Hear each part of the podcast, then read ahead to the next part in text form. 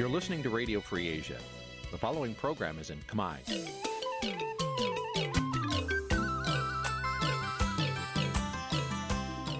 នេះជាកម្មវិធីផ្សាយ Vuthu Azizi Serai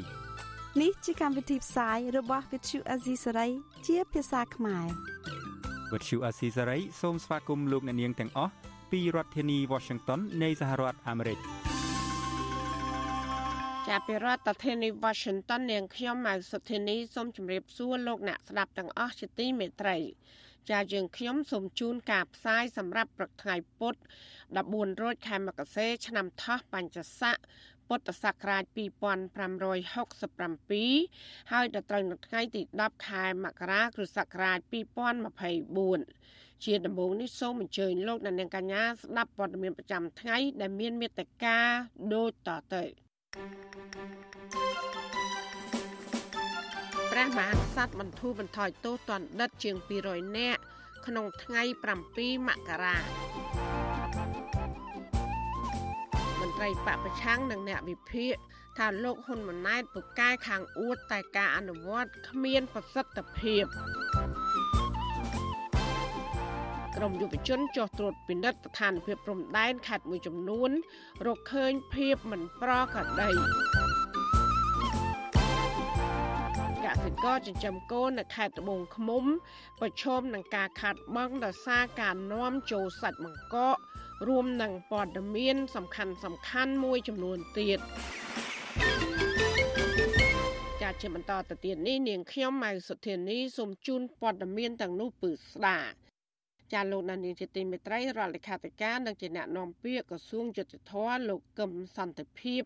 បានបញ្ជាក់នៅលើ Facebook របស់លោកកាលពីថ្ងៃទី7ខែមករាថាព្រះមហាក្សត្រសម្ដេចព្រះនរោត្តមសីហមុនី បានប្រោសប្រទានការបន្ធូរបន្ថយទោសដល់ទណ្ឌិតសរុបចំនួន245នាក់ក្នុងនោះ28នាក់ជាស្ត្រី ការបន្ធូរបន្ថយទោសនេះធ្វើឡើងនៅថ្ងៃដែលរដ្ឋាភិបាលលោកហ៊ុនម៉ាណែត និងគណៈបកប្រជាជនកម្ពុជារំលឹកខួប45ឆ្នាំនៃថ្ងៃ7មករាក្នុងចំណោមនោះក៏មានការបន្ធូរបន្ថយទោសទណ្ឌិតម្នាក់ដែលបានជាប់ទោសមួយជីវិតឲ្យមកនៅត្រឹមរយៈពេល30ឆ្នាំលោកកឹមសន្តិភាពបញ្ជាក់ទៀតថាពុំមានអ្នកទោសដែលត្រូវបានព្រះមហាក្សត្រលើកលែងទោសនោះឡើយ។ តែកតិននឹងរឿងនេះដែរកន្លងទៅសាច់ញាតិនិងមន្ត្រីអង្គការសង្គមស៊ីវិលតែងតែទទូចដល់ព្រះមហាក្សត្រក្រសួងយុតិធធននិងអាជ្ញាធរពាក់ព័ន្ធឲ្យពិចារណាលើកលែងទោសនិងបន្ធូរបន្ថយទោសដល់អ្នកទោសមនសិការដែលកំពុងជាប់ឃុំពីព្រោះថាពួកគេមិនបានប្រព្រឹត្តកំហុសហើយពួកគេមានទោសដោយសារតែការអនុវត្តសិទ្ធិភាពជាមូលដ្ឋាន នៅក្នុងសង្គមនេតរដ្ឋនិងប្រជាធិបតេយ្យ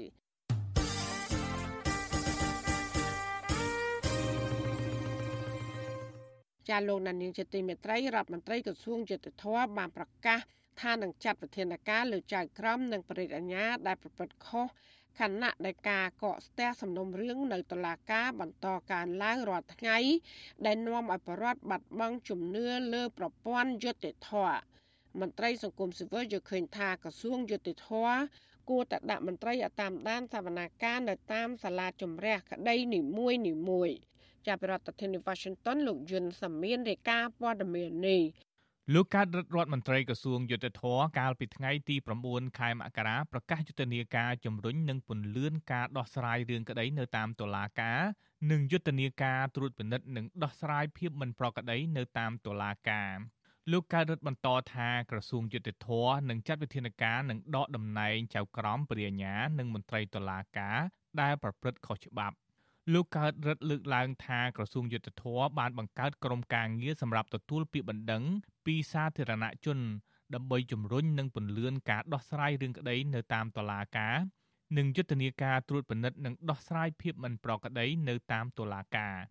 ឯការងារទី3 គឺការត្រួតពិនិត្យនិងដោះស្រាយភាពមិនប្រក្រតីនិយាយជារួមគឺផ្អែកលើគុណភាពនៃយុត្តិធម៌អញ្ចឹងកិច្ចការអត្ថភាពទាំង3របស់សម្ដេចមហាបវរធិបតីសម្រាប់យើងខ្ញុំនៅក្នុងវិស័យយុត្តិធម៌ឬនៅក្រសួងយុត្តិធម៌ចាត់ទុកថានេះគឺជាបទបញ្ជាដ៏គង់ពោះរបស់សម្ដេចហើយបើបទបញ្ជាដ៏គង់ពោះរបស់សម្ដេចយើងត្រូវយកចិត្តទុកដាក់នឹងការទទួលខុសត្រូវដើម្បីសម្រេចកិច្ចការងារនេះឲ្យបានសម្រេចលោកកើតរិទ្ធបន្ថែមថាបញ្ហាកកស្ទះសំណុំរឿងបានធ្វើឲ្យប្រជាពលរដ្ឋមិនពេញចិត្តចំពោះប្រព័ន្ធយុត្តិធម៌នៅកម្ពុជា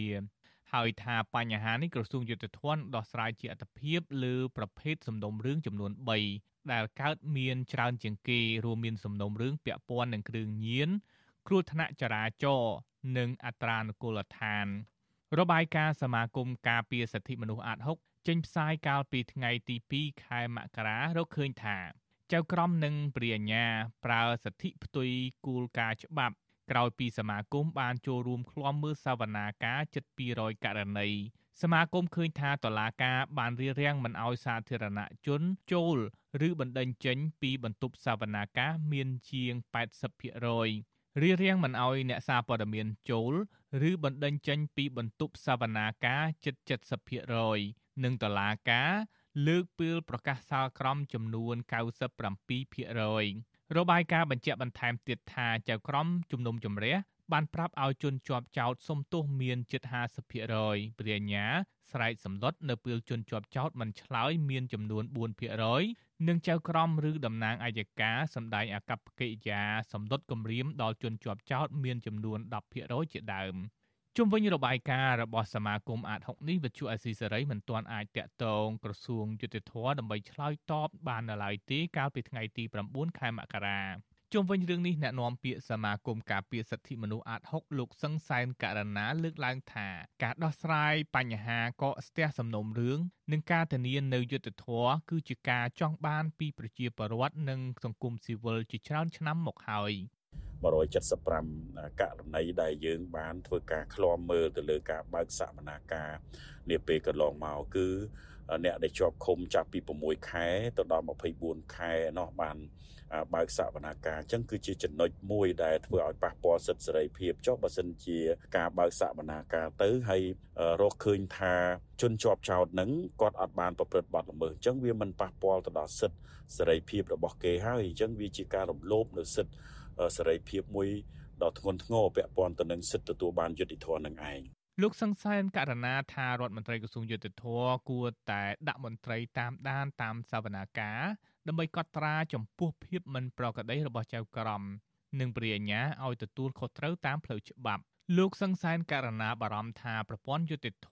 និងវិស័យតុលាការនៅតែរងរិះគន់ពីសាធារណជនដដែលដោយសារតែកន្លងមក ការជំរុញរបស់រដ្ឋាភិបាល និងក្រសួងយុតិធធពុំមានប្រសិទ្ធភាពឡើយហើយប្រជាពលរដ្ឋជាច្រើន នៅតែបន្តទាមទារយុតិធធដដែលខ្ញុំយុនសាមៀនវិទ្យុអាស៊ីសេរីប្រធានាធិបតី Washington ចាលោកនាងកញ្ញាកំពុងស្ដាប់ការផ្សាយរបស់វិទ្យុអាស៊ីសេរីផ្សាយចេញពីរដ្ឋធានី Washington ពជាកសិករមួយចំនួននៅស្រុកដំបែខេត្តត្បូងឃ្មុំប្រឈមនឹងការបាត់បង់មុខរបរចិញ្ចឹមសត្វគោដោយសារតែការនាំចូលសាច់បង្កកកើនឡើង ដែលធ្វើឲ្យតម្លៃសាច់គោនៅក្នុងស្រុកធ្លាក់ចុះអ្នកជំនាញទទូចអាជ្ញាធរពាក់ព័ន្ធគួរតែចាត់វិធានការច្បាប់លើការនាំចូលសាច់បង្កកខុសច្បាប់ ដើម្បីឲ្យកសិករមានលទ្ធភាពអាចរកប្រាក់ចំណូលចិញ្ចឹមជីវិតចាសសេចក្តីរាយការណ៍ពិស្ដាមពីរឿងនេះលោកនាងក៏នឹងបានស្ដាប់នាពេលបន្តិចទៀតនេះចាលោកនាងកញ្ញាជាទីមេត្រីដំណើរគ្នានឹងស្ដាប់ការផ្សាយរបស់វិទ្យុអសីស្រីតាមបណ្ដាញសង្គម Facebook YouTube និង Telegram លោកអ្នកនាងក៏អាចស្ដាប់ការផ្សាយរបស់យើងតាមរយៈរលកធាតុអាកាសខ្លីឬ short wave តាមកម្រិតនិងកម្ពស់ដូចតទៅចាប់ពីព្រឹកចាប់ពីម៉ោង5កន្លះដល់ម៉ោង6កន្លះតាមរយៈប៉ុស SW 93.90 MHz ស្មើនឹងកម្ពស់ 32m និងប៉ុស SW 11.85 MHz ស្មើនឹងកម្ពស់ 25m ចាសម្រាប់ពេលយប់វិញ គឺចាប់ពីម៉ោង7កន្លះដល់ម៉ោង8កន្លះគឺតាមរយៈប៉ុស SW 93.30 MHz ស្មើនឹងកម្ពស់ 32m ប៉ុស SW 11.88 MHz ស្មើនឹងកម្ពស់ 25m និងប៉ុស SW 15.15 MHz ស្មើនឹងកម្ពស់ 20m ចាសសូមអរគុណ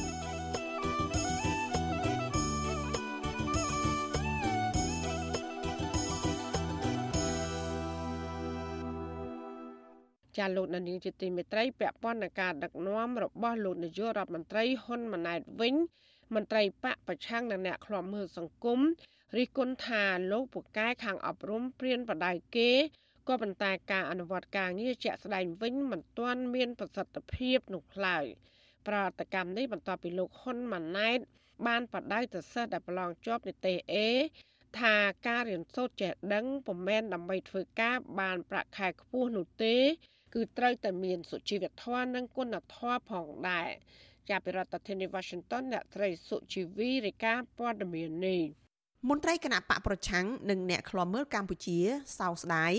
ដែលលោកនាយរដ្ឋមន្ត្រីហ៊ុនម៉ាណែតមិនយកចំណេះដឹងរបស់ខ្លួនទៅប្រើប្រាស់ដើម្បីភាពសុខសាន្តរបស់ពលរដ្ឋគ្រប់និន្នាការនយោបាយដោយការប្រដៅដល់អ្នកដទៃមន្ត្រីគណៈបកសង្គ្រោះជាតិដែលកំពុងភៀសខ្លួននៅក្រៅប្រទេសលោកមេងសុធីរា ប្រាប់វិទ្យុអាស៊ីសេរីនៅថ្ងៃទី9ខែមករាថាលោកហ៊ុនម៉ាណែតពូកែបានតែខាមប្រដៅគីឯងប៉ុន្តែការអនុវត្តជាក់ស្ដែងគ្មានប្រសិទ្ធភាពឡើយលោកបញ្ជាក់ថាលោកហ៊ុនម៉ាណែតគួរតែយកចំណេះដឹងដែលបានរៀនសូត្រពីប្រទេសលោកសេរីមកប្រើប្រាស់នៅក្នុងការដឹកនាំប្រទេសដើម្បីភាពសុខសាន្តរបស់ពលរដ្ឋ ការបំផ្លាញប្រជាធិបតេយ្យការតាមកំតិចគណៈបកប្រឆាំងពីរយៈលោកហ៊ុនសែនបន្តទៅដល់លោកហ៊ុនម៉ាណែតខ្លាំងជាងឪពុកលោកទៅទៀតការរវត្តរបស់លោកហ៊ុនម៉ាណែតនេះហើយជាគំរូអាក្រក់ដែលគំរូដ៏គួរឲ្យខ្មាស់អៀនដែលបានទៅសិក្សាពីលោកសេរីហើយយើងយកមកធ្វើដល់អង្គើដល់កខ្វក់នៅក្នុងប្រទេសកម្ពុជាដែលធ្វើឲ្យជាតិបែកបាក់ធ្វើឲ្យមានវិបត្តិសេដ្ឋកិច្ចធ្លាក់ធ្វើឲ្យជាតិធ្លាក់នៅគ្រោះមហន្តរាយក្រីក្រធ្វើការចំណាក់ស្រុកស្ទើរទៅអស់ពីប្រទេសហើយយើងមើលគួរតែខ្មាស់អៀនណាដែលគំរូហ្នឹងអញ្ចឹងបានន័យថាយកទៅបដៅគេប៉ុន្តែខ្លួនឯងនោះស្មោកគ្រោកបំផុតនៅក្នុងស្រុកខ្មែរហើយប្រតិកម្មរបស់មន្ត្រីគណៈបកប្រឆាំងនេះបន្ទាប់ពីលោកហ៊ុនម៉ាណែតបានថ្លែងនៅក្នុងពិធីសម្ដែងសម្ដាលជាមួយសិស្សដែលទើបតែប្រឡងជាប់នីតិ A នៅរាជធានីភ្នំពេញនៅព្រឹកថ្ងៃទី9ខែមករាថាការអប់រំល្អពុំមែនដើម្បីធ្វើការងារបានប្រាក់ខែច្រើន ដើម្បីបង្កើនសេដ្ឋកិច្ចគ្រួសារតែប៉ុណ្ណោះទេលោកថាការអប់រំល្អមានគោលដៅ4គឺទី1អប់រំមនុស្ស ដើម្បីឲ្យคล้ายទៅជាពលរដ្ឋល្អទី2អប់រំដើម្បីឲ្យមានចំណេះដឹងយល់ពីស្ថានភាពជុំវិញខ្លួន ទី3អប់រំដើម្បីឲ្យคล้ายជាពលរដ្ឋល្អមានសិលធម៌ល្អនិងការអប់រំឲ្យចេះរស់នៅក្នុងសង្គមប្រកបដោយភាពសុខដុមរមនាជាងការរៀបចំក្រិតក្រមគោលនយោបាយរបស់រាជរដ្ឋាភិបាលមិនមែនដាក់ឲ្យតែព្រោះទេប៉ុន្តែយើងបានគិតគូរច្បាស់លាស់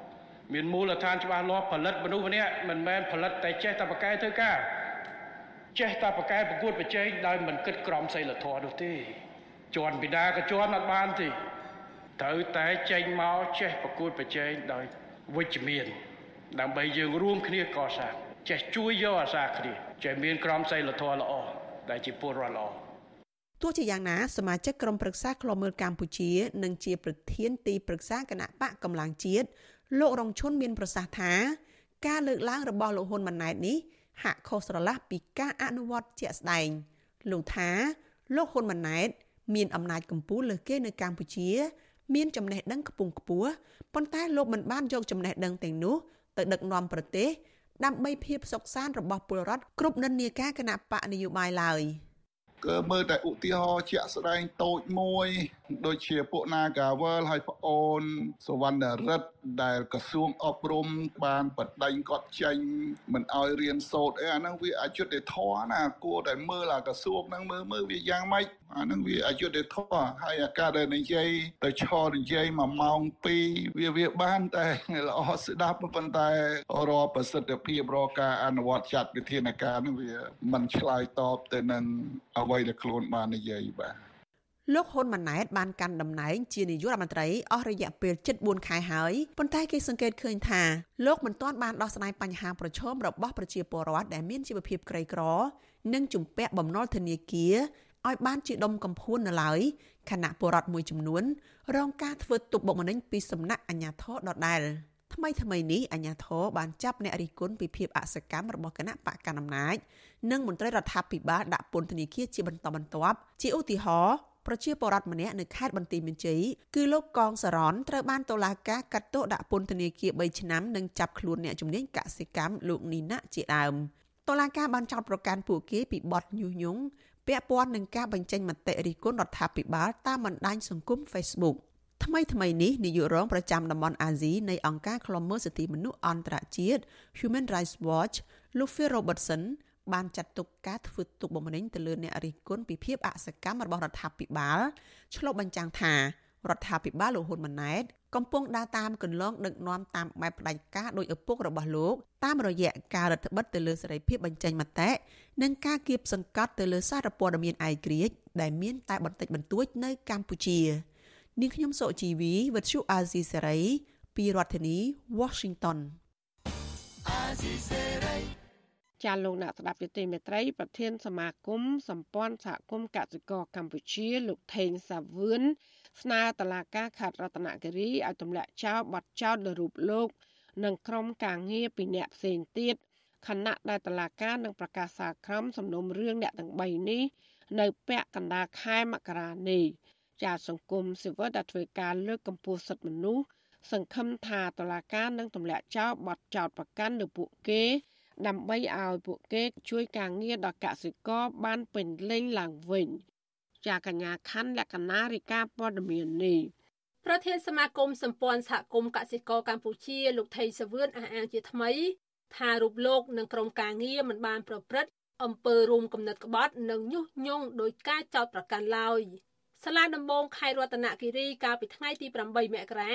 បានបើកសវនកម្មជំនុំជម្រះក្តីសំណុំរឿងលោកថេងសវឿនលោកញ៉លភៀបនិងលោកឋានហាជក្រោមបទចោទប្រកាន់រួមគំនិតក្បត់និងញុះញង់ឲ្យប្រព្រឹត្តអំពើបង្កឲ្យមានភាពវឹកវរធ្ងន់ធ្ងរដល់សន្តិសុខសង្គមពាក់ព័ន្ធនឹងការរៀបចំសិក្ខាសាលាបណ្ដុះបណ្ដាលមួយនៅខេត្តនេះកាលពីខែឧសភាឆ្នាំ2023ប្រធានសមាគមសម្ព័ន្ធសហគមន៍កសិករកម្ពុជាលោកថេងសាវឿនប្រាប់វិសុអាស៊ីសេរីនៅថ្ងៃទី9មករាថា ភ័ស្តុតាងដែលចៅក្រមលើកយកមកដាក់បន្ទុកលើលោកនិងក្រុមការងារពីររូបទៀតគឺពាក់ព័ន្ធនឹងការពិភាក្សាគ្នានៅក្នុងក្រុមរវាងគ្រូនិងសិក្ខាកាមចូលរួមហើយចៅក្រមថា មានឯកសារមួយបានសរសេរដោយប្រើប្រាស់ភាសាមួយចំនួនប៉ះពាល់ដល់រដ្ឋាភិបាលហើយឯកសារខ្លះតុលាការថាប៉ះពាល់ដល់អង្គព្រះមហាក្សត្រទោះជាយ៉ាងណាលោកថេងសវឿនថា នៅក្នុងបន្ទប់សវនកម្មក្រមលោកបានបញ្ជាក់ទៅកាន់ចៅក្រមជំរះ ថាពួកគាត់គ្មានគោលបំណងឬក៏មិនមានចេតនាណាមួយរួមគំនិតក្បត់និងញុះញង់ដោយការចោទប្រកាន់ឡើយពីព្រោះការធ្វើសិក្ខាសាលានេះឈរទៅលើការងារវិជ្ជាជីវៈប៉ុន្តែលោកទទួលស្គាល់ចំពោះកំហុសនៅការឆក់ល្វែងរួមជាមួយការគិតមិនដល់ដែលធ្វើឲ្យមានការប្រើប្រាស់ភាសានិងកិច្ចពិភាក្សាជ្រុលជ្រោះហើយកំហុសទាំងអស់នេះលោកថាលោកនឹងក្រុមការងារបានសុំទោសជាសាធារណៈរួចហើយ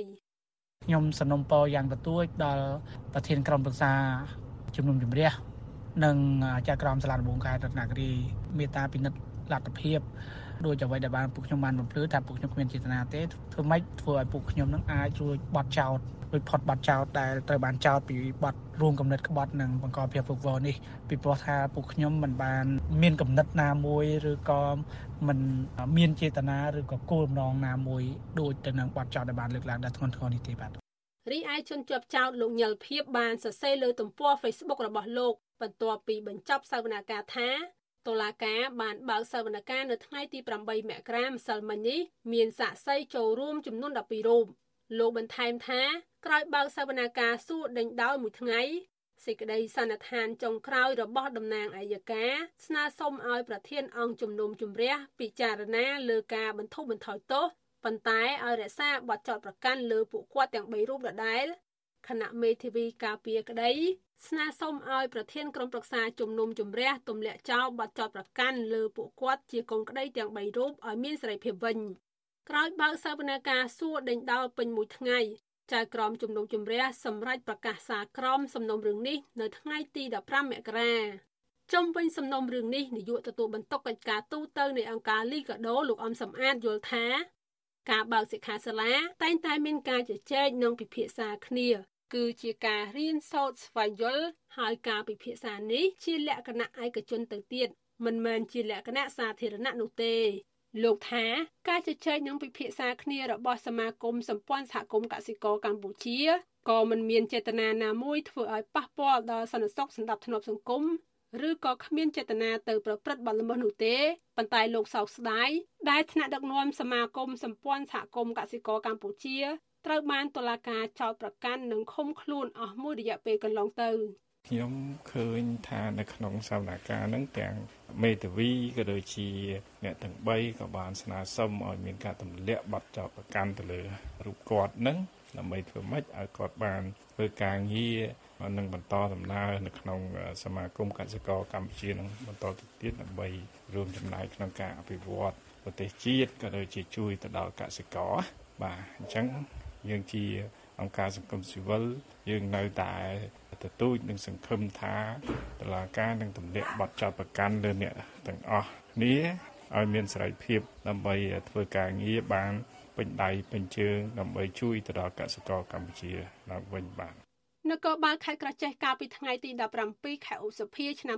2023បានឃាត់ខ្លួនប្រធានសមាគមសម្ព័ន្ធសហគមន៍កសិករកម្ពុជាលោកថេងសាវឿននិងសមាជិករបស់លោក16នាក់ផ្សេងទៀតនៅពេលពួកគេធ្វើដំណើរពីខេត្តរតនគិរីឆ្ពោះទៅរាជធានីភ្នំពេញក្រោយបញ្ចប់កម្មវិធីសិក្ខាសាលានៅទីនោះ តុលាការខេត្តរតនគិរីចោទប្រកាន់ថាលោកថេងសាវឿននិងក្រុមការងាររបស់លោកបានលួចជួបជុំគ្នានៅខេត្តរតនគិរីក្នុងគោលដៅនយោបាយញុះញង់ឲ្យកសិករបោះបោលឈានទៅដល់ការផ្ដួលរំលំរដ្ឋាភិបាល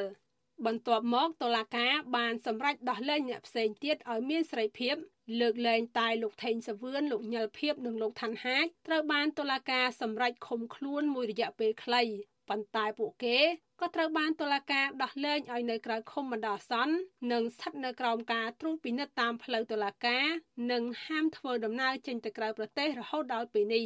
ទោះជាយ៉ាងណាការដោះលែងនេះក្រោយពេលលោកថេងសាវឿនបានបង្ហោះសារជាលិខិតនិងវីដេអូចេញពីពន្ធនាគារសុំទោសនិងទទួលស្គាល់កំហុសរបស់ខ្លួន ចំពោះការចោទប្រកាន់លើរូបលោក ក្រោយពីចេញពីពន្ធនាគារលោកថេងសាវឿននិងក្រុមការងារទាំង3នាក់ក៏បានទៅជួបអតីតនាយករដ្ឋមន្ត្រីលោកហ៊ុនសែនផងដែរខ្ញុំខណ្ឌលក្ខណាវັດឈុអសីសេរីាលោកដានីជាទីមេត្រីក្នុងឱកាសនេះដែរនាងខ្ញុំសូមថ្លែងអំណរគុណដល់លោកដានីកញ្ញាទាំងអស់ដែលតែងតែមានភក្ដីភាពចំពោះការផ្សាយរបស់យើងហើយចាត់ទុកការស្ដាប់វិទ្យុអសីសេរី គឺជាផ្នែកមួយនៃសកម្មភាពប្រចាំថ្ងៃរបស់លោកអ្នកការគ្រប់គ្រងរបស់លោកដានៀងនេះហើយដែលធ្វើយើងខ្ញុំមានទឹកចិត្តកាន់តែខ្លាំងថែមទៀតក្នុងការស្វែងរកនិងផ្តល់ព័ត៌មានជូនដល់លោកដានៀងចាំមានអ្នកស្ដាប់អ្នកទេសនាកាន់តែច្រើនកាន់តែធ្វើយើងខ្ញុំមានភាពស្វាហាប់មោះមុតជាបន្តទៀតចាយើងខ្ញុំសូមអរគុណទុកជាមុន ហើយក៏សូមអញ្ជើញលោកដានៀងកញ្ញាចូលរួមជំរុញឲ្យសកម្មភាពផ្ដល់ព័ត៌មានរបស់យើងនេះកាន់តែជោគជ័យបន្ថែមទៀតលោកដានៀងអាចជួយយើងខ្ញុំបានដោយគ្រាន់តែចុចចែករំលែកឬ share ការផ្សាយរបស់យើងនេះនៅលើបណ្ដាញសង្គម Facebook និង YouTube ទៅកាន់មិត្តភ័ក្តិដើម្បីឲ្យការផ្សាយរបស់យើងនេះបានទៅដល់មនុស្សកាន់តែច្រើនចាសសូមអរគុណ ចាលោកដានីលជាទីមេត្រីតកតងនឹងស្ថានភាពព្រំដែនជាមួយប្រទេសជិតខាងវិញក្រមយុវជននិងនិស្សិតជាច្រើនអ្នកបានចុះសិក្សាស្រាវជ្រាវពីស្ថានភាពនៅតំបន់ព្រំដែនក្នុងខេត្តចំនួន4ជាប់ព្រំដែនកម្ពុជាវៀតណាមហើយបានរកឃើញភាពមិនប្រក្រតីមួយចំនួនដែលរដ្ឋាភិបាលខ្វះចន្លោះក្នុងការអភិវឌ្ឍនៅតាមតំបន់ព្រំដែននិងធូររលុងច្រើន ក្នុងការនាំទំនិញចូលមកកម្ពុជា។ ពួកគាត់ក៏បានស្នើរដ្ឋាភិបាលឲ្យកែលម្អចំណុចខ្វះចន្លោះទាំងនោះចាលោកទីនសាករាយារាយការណ៍ព័ត៌មាននេះក្រមយុវជនរកឃើញថាសមត្ថភាពការពារព្រំដែនរបស់រដ្ឋាភិបាលកម្ពុជានៅខ្វះចន្លោះច្រើនបើធៀបជាមួយប្រទេសជិតខាងរួមមានកង្វះប្រព័ន្ធធារាសាស្ត្រផ្លូវថ្នល់អគ្គិសនី និងអគារត្រួតពិនិត្យតាមព្រំដែនរបស់កម្ពុជាខ្វះស្តង់ដារជាដើមការលើកឡើងនេះក្រោយពីក្រមយុវជននិងនិស្សិតមកពីរាជធានីភ្នំពេញចំនួន14នាក់ បានធ្វើដំណើរដោយម៉ូតូរយៈពេល2ថ្ងៃចាប់ពីថ្ងៃទី6និងថ្ងៃទី7មករាដើម្បីពិនិត្យមើលពីស្ថានភាពព្រំដែននៅខេត្តមួយចំនួនរួមមានខេត្តត្បូងឃ្មុំព្រៃវែងស្វាយរៀងនិងខេត្តតាកែវជាដើមយុវជនរស់នៅភ្នំពេញលោកលឹមស៊ីវម៉េងប្រាប់វិទ្យុអាស៊ីសេរីកាលពីថ្ងៃទី9មករាថាអញ្ញាធរខ្មែរខ្វះការយកចិត្តទុកដាក់ការពារតំបន់ព្រំដែនដូចជាការនាំទំនិញពីប្រទេសវៀតណាមចូលមកកម្ពុជាធូររលុងច្រើនផ្ទុយពីកម្ពុជាបើចង់នាំទំនិញចូលទៅប្រទេសវៀតណាមវិញគឺតឹងតែងខ្លាំង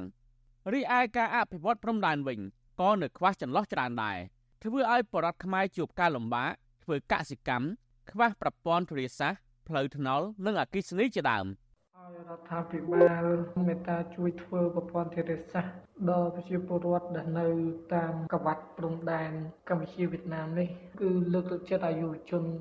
គួរតែស្វែងយល់ និងសិក្សានៅតាមព្រំដែនរបស់យើងថាតើស្ថានភាពនៅព្រំដែនអភិវឌ្ឍដល់ណាហើយឬក៏មានលក្ខណៈយ៉ាប់យ៉ឺនយ៉ាងម៉េចខ្លះកាលពីចុងខែធ្នូឆ្នាំ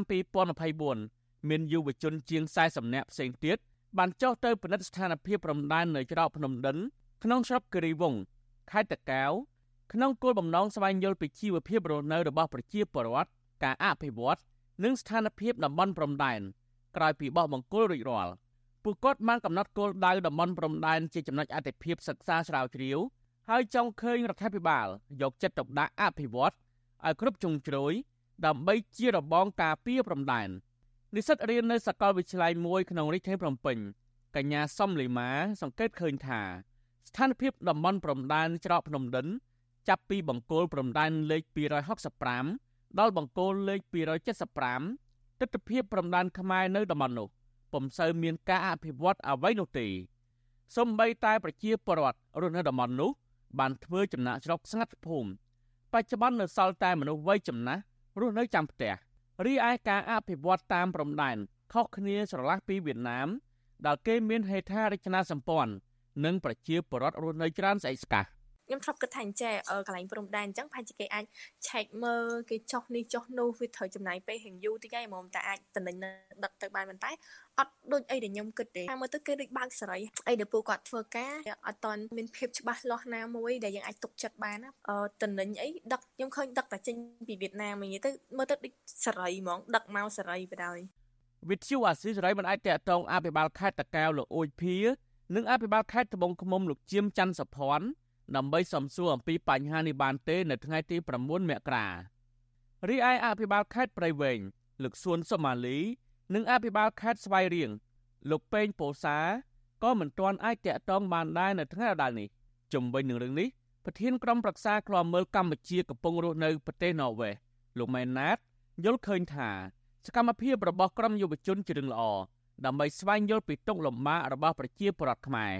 និងស្ថានភាពព្រំដែន ដែលរដ្ឋាភិបាលកម្ពុជា គួរតែលើកទឹកចិត្តនិងទទួលយកសំណូមពររបស់ពួកគាត់យកមកដោះស្រាយក្នុងកម្រិតថ្នាក់ជាតិក្មេងៗបានរៀនសូត្របានរៀនសូត្រអំពី ផលវិបាកពីក្តីបារម្ភរបស់ជាតិយើងទៅថ្ងៃមុខតើវាប្រឈមនឹងអីខ្លះនៅតាមបណ្ដោយព្រំដែននៅរងពេលគ្រោះពេលគ្រោះទី1ដោយសារតាឆ្លៀនពៀនពីវៀតណាមយកដីស្រែចការរបស់ពួកគាត់ពេលគ្រោះទី2គឺអាញាធររដ្ឋរបស់កម្ពុជាខ្លួនឯងនឹងជាអ្នកដែលគម្រាមកំហែងមិនឲ្យនិយាយមិនឲ្យស្ដីមិនឲ្យតវ៉ារឿងគាត់បាត់បង់ដីធ្លីនៅតាមព្រំដែនក្រុមយុវជនបន្ថែមថាអាញាធរខ្មែរមិនបានរារាំងសកម្មភាពចុះពិនិត្យតំបន់ព្រំដែនរបស់ពួកគាត់នោះទេ ក្រៅពីចុះសិក្សាស្រាវជ្រាវ និងតតត្រាពីភាពចន្លោះប្រហោងរបស់អាជ្ញាធរខ្មែរយឺតយ៉ាវក្នុងការអភិវឌ្ឍតំបន់ព្រំដែនពួកគាត់នឹងលើកយកបញ្ហានេះជជែកពិភាក្សាគ្នាសួរដេញដោលក្នុងបំណងស្នើរដ្ឋាភិបាលយកចិត្តទុកដាក់ដោះស្រាយនិងពន្លឿនអភិវឌ្ឍតំបន់ព្រំដែនឲ្យដូចប្រទេសជិតខាងខ្ញុំបាទទីនសាការីយ៉ាអស៊ីសេរី ប្រធានីវ៉ាស៊ីនតោន ចាលោកដានៀងជាទីមេត្រីពាក់ព័ន្ធនឹងបញ្ហាបរិស្ថានក្រមយុវជនស្រឡាញ់បរិស្ថានថារដ្ឋាភិបាលគួរតែចោះបង្រៀនពលរដ្ឋឲ្យយល់ដឹងពីការទុកដាក់សម្រាមនិងផលប៉ះពាល់នៃការប្រើប្រាស់ថង់ប្លាស្ទិកជាជាងចេញលិខិតព្រមានផាកពិន័យពួកគាត់អះអាងថាការដាក់ពិន័យបរដ្ឋដោយគ្មានការណែនាំត្រឹមត្រូវនោះនឹងធ្វើឲ្យការអនុវត្តច្បាប់គ្មានប្រសិទ្ធភាព។ ចានេះគឺជាសេចក្តីរាយការណ៍របស់លោកយ៉ងច័ន្ទរាជំវិញព័ត៌មាននេះក្រមយុវជនជំរុញរដ្ឋាភិបាល និងស្ថាប័នពាក់ព័ន្ធយកចិត្តទុកដាក់អនុវត្តច្បាប់ និងផ្សព្វផ្សាយពីបញ្ហាសម្រាមទៅដល់ពលរដ្ឋអាជីវករនិងម្ចាស់សហគ្រាសធំធំមួយចំនួន ដែលខ្វះការយល់ដឹងសកម្មជនសង្គមកញ្ញារឿនស្រីនាងប្រាប់វិទ្យុអាស៊ីសេរី នៅថ្ងៃទី9ខែមករាថា ប្រសិនបើរដ្ឋាភិបាលផ្សព្វផ្សាយពីការទុកដាក់សម្រាមតាមទំព័រ Facebook របស់ក្រសួងបរិស្ថានឬរដ្ឋបាលរាជធានីភ្នំពេញមិនទាន់គ្រប់គ្រាន់នោះទេកញ្ញាសង្កេតឃើញថាតាមដងផ្លូវសាធារណៈសួនច្បារនិងកន្លែងកំសាន្តមួយចំនួន នៅខ្វះធុងសម្រាម ដែលបញ្ហានេះធ្វើឲ្យអ្នកដំណើរឬពលរដ្ឋមួយចំនួនបោះសម្រាមចោលពាសវាលពាសកាល គួរតែពង្រឹងបន្ថែមទៀតទៅលើការផ្សព្វផ្សាយហ្នឹងបងបើយើងប្រៀបធៀបជាមួយនឹងផ្លាកស្រាប៊ីណាបងឃើញថាហ្វាយលើកធំធំមកមើលមកគឺឃើញគ្រប់កន្លែងហ្មងអញ្ចឹងបើសិនជាលិខិតឬមួយក៏អាសេចក្តីណែនាំទាំងអស់ហ្នឹងលើកដោយផ្សាយស្រាប៊ីដែរខ្ញុំគិតថាប្រហែលជាមានប្រសិទ្ធភាពជាងស្រដៀងគ្នានេះដែរជាងកាត់សក់នៅខណ្ឌសែនសុខលោកទឹមទឹកថ្លែងថា ចាប់តាំងពីលោកម្ករស់នៅរាជធានីភ្នំពេញរយៈពេលជាង20ឆ្នាំមកនេះលោកមិនដែលឃើញអាជ្ញាធរចុះមកផ្សព្វផ្សាយពីការទុកដាក់សម្រាមដល់លោកនោះទេលោកបន្តថាប្រសិនបើមានការផាកពិន័យមែនអាចប៉ះពាល់ដល់ជីវភាពគ្រួសាររបស់លោកពីព្រោះលោកថាបច្ចុប្បន្ននេះប្រាក់ចំណូលរបស់លោកកំពុងតែតិចស្រាប់ ខ្ញុំមិនបានដែលមានណាប្រាប់អីដល់មកទាមកខំខាខ្ញុំក៏គ្រូទំចាក់តាមផ្ទះគេខ្ញុំជួលផ្ទះគេខ្ញុំជួលទៅខ្ញុំជួលផ្ទះគេនៅអញ្ចឹងហើយអត់ខ្ញុំបងហើយនៅខ្ញុំបងខ្ញុំទៅជួលផ្ទះគេអញ្ចឹងខ្ញុំដឹងបងតែមិនខ្ញុំអត់ដឹងដឹងបងការលើកឡើងរបស់យុវជននិងពលរដ្ឋមួយចំនួននេះគឺស្របពេលដែលរដ្ឋបាលរាជធានីភ្នំពេញបានចេញសេចក្តីប្រកាសកាលពីថ្ងៃទី8មករាដោយព្រមានផាកពិន័យពលរដ្ឋអាជីវករស្ថាប័នរដ្ឋរោងចក្រនិងសហគ្រាសជាដើមដែលមិនបានទុកដាក់សម្រាមនិងវេចខ្ចប់ឲ្យបានត្រឹមត្រូវ លិខិតដដែលបញ្ជាក់ថាសម្រាមនិងកាកសំណល់រឹងត្រូវញែកចេញជាពីរទី1គឺសម្រាមសើមដូចជាសំណល់ផ្ទះបាយផ្លែឈើផ្កាត្រូវដាក់ក្នុងថង់ពណ៌ខ្មៅ និងទី2សម្រាមស្ងួតដូចជាកំប៉ុងជ័រក្រដាសដបត្រូវដាក់នៅក្នុងថង់ពណ៌សចំពោះសម្រាមដែលត្រូវប្រុងប្រយ័ត្នដូចជាអំបែងដបអំបែងកញ្ចក់ហាមវេចខ្ចប់លាយឡំជាមួយសម្រាមសើមនិងស្ងួត ជាមួយគ្នានេះផ្សាររដ្ឋឬឯកជនអាគារពាណិជ្ជកម្មផ្ទះសំណាក់សន្តាគារជាដើមត្រូវមានកាតព្វកិច្ចដាក់ធុងសម្រាមរបស់ខ្លួនឲ្យបានត្រឹមត្រូវចំណែកឯការបញ្ចេញសម្រាមវិញគឺត្រូវដឹកជញ្ជូនរៀងរាល់ពេលយប់ចាប់ពីម៉ោង6យប់ដល់ម៉ោង9យប់ទៅតាមទីតាំងហើយករណីបញ្ចេញសម្រាមមិនទៅតាមពេលកំណត់នឹងត្រូវផាកពិន័យជុំវិញបញ្ហានេះមន្ត្រីសម្របសម្រួលគម្រោងនៃសមាគមបណ្ដាញយុវជនកម្ពុជាលោកអូតឡាទីន មានប្រសាសន៍ថា លោកគ្រប់គ្រងឲ្យផាកពិន័យលើបរដ្ឋនិងម្ចាស់អាជីវកម្មដែលមិនបានអនុវត្តតាមការណែនាំក៏ប៉ុន្តែលោកយល់ថាចំណាត់ការរបស់អាជ្ញាធរនឹងគ្មានប្រសិទ្ធភាពនោះទេលោកបន្តថានៅពេលបញ្ហាសម្រាមកកស្ទះអាជ្ញាធរតែងតែបន្ទោសពលរដ្ឋក៏ប៉ុន្តែអាជ្ញាធរបែរជាគ្មានវិធានការជាក់លាក់នៅក្នុងការពង្រឹងការយល់ដឹងរបស់ពលរដ្ឋនៅតាមមូលដ្ឋាននោះឡើយការប្រតិបត្តិការងាររបស់ក្រមការងាររបស់មន្ត្រីរដ្ឋាភិបាលទៅលើការស្ដារទៅលើការ ពិនិត្យការបោះសម្រាមនៅតាមចំណុចសំខាន់សំខាន់ដែលជាចំណុចគោលដៅនៅក្នុងការបោះសម្រាមហ្នឹងក៏ជារឿងសំខាន់ដែរព្រោះកន្លងទៅយើងឃើញមានបញ្ហាសម្រាមកកស្ទះនៅក្នុងលូច្រើនប៉ុន្តែបញ្ហាខ្លះគឺវាបានអូសបន្លាយរាប់ឆ្នាំមកហើយដែលអត់ឃើញមានសកម្មភាពរបស់អាជ្ញាធររដ្ឋាភិបាលមកធ្វើការស្ដារឬក៏មកធ្វើការប្រមូលសម្រាមហ្នឹងដើម្បីយកទៅបោះចោលយកទៅទុកដាក់ឲ្យបានត្រឹមត្រូវដែរអនុក្រឹត្យស្តីពីការគ្រប់គ្រងសម្រាមសំណល់រឹងនៅតាមទីប្រជុំជន មាត្រា39ចែងថា ការមិនអនុវត្តតាមការកំណត់របស់រដ្ឋបាលរាជធានីក្រុងស្រុកខណ្ឌនៅក្នុងការញែកនិងការវិខ្ចប់សម្រាមដោយឡែកនៃសំណល់រឹងត្រូវផាកពិន័យអន្តរការជាប្រាក់ចំនួន10000រៀលសម្រាប់លំនៅឋាន និងពី100,000រៀលដល់2លានរៀលចំពោះម្ចាស់អាជីវកម្មរោងចក្រនិងសហគ្រាសក៏ប៉ុន្តែពលរដ្ឋសកម្មជនបរិស្ថាន និងសង្គមស៊ីវិលរីកគុណរដ្ឋាភិបាលថា អសមត្ថភាពនៅក្នុងការដោះស្រាយបញ្ហាសម្រាមហើយជួនកាលមានយុវជនខ្លះហាក់អស់សង្ឃឹមចំពោះចំណាត់ការរបស់មន្ត្រីរដ្ឋាភិបាលដោយពួកគេបានចងក្រងគ្នាទៅជាក្រុមដើម្បីដើរប្រមូលសម្រាមតាមទីសាធារណៈដូចជាកន្លែងមានការប្រគំតន្ត្រី និងនៅតាមដងទន្លេជាដើមខ្ញុំយ៉ងច័ន្ទដារាវិទ្យុអាស៊ីសេរី Washington ចាលោកនាងជាទីមេត្រីនៅឯខេត្តបាត់ដំបងឯនោះវិញវងសัตว์ប្រជារាប់លានក្បាលតែងតែបង្ហាញខ្លួន ចេញពីលាអាង ភ្នំសំពៅ ដែលជាគោលដៅទេសចរយ៉ាងសំខាន់ ដែលភ្ញៀវជាតិនិងអន្តរជាតិចាប់អារម្មណ៍ទៅទស្សនាកំសាន្តអញ្ញាធរអាអាងថាមន្ត្រីជំនាញបន្តយកចិត្តទុកដាក់ កែច្នៃតំបន់ភ្នំសំពៅជាគោលដៅទេសចរដ៏សំខាន់មួយនៅក្នុងខេត្តនេះដើម្បីរក្សាអត្តសញ្ញាណប្រវត្តិសាស្ត្រនិងបង្កើនប្រាក់ចំណូលដល់សហគមន៍ចាសសេចក្តីរាយការណ៍ពុស្ដាពីរឿងនេះលោកដានៀងនឹងបានស្ដាប់នាពេលបន្តិចទៀតនេះ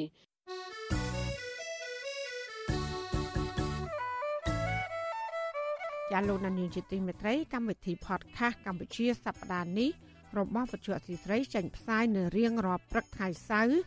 នៃសប្តាហ៍នីមួយៗមកនៅប្រទេសកម្ពុជា ចាសសូមប្រិយមិត្តស្វែងរកនិងស្ដាប់ podcast របស់យើងនៅលើកម្មវិធី podcast របស់ Apple, Google និង Spotify ដោយគ្រាន់តែសរសេរពាក្យថាកម្ពុជាសប្តាហ៍នេះឬ Cambodia This Week នៅក្នុងប្រអប់ស្វែងរកតែយើងក៏នឹងចាប់ផ្សាយ podcast នេះឡើងវិញ នៅក្នុងការផ្សាយផ្ទាល់របស់យើងតាមបណ្ដាញសង្គម Facebook YouTube និង Telegram នៅរៀងរាល់យប់ថ្ងៃច័ន្ទចាសសូមអរគុណ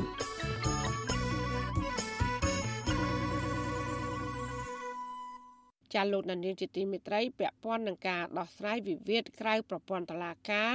ប្រជាប្រដ្ឋាអាញាធរជាតិដោះស្រាយវិវាទក្រៅប្រព័ន្ធតុលាការ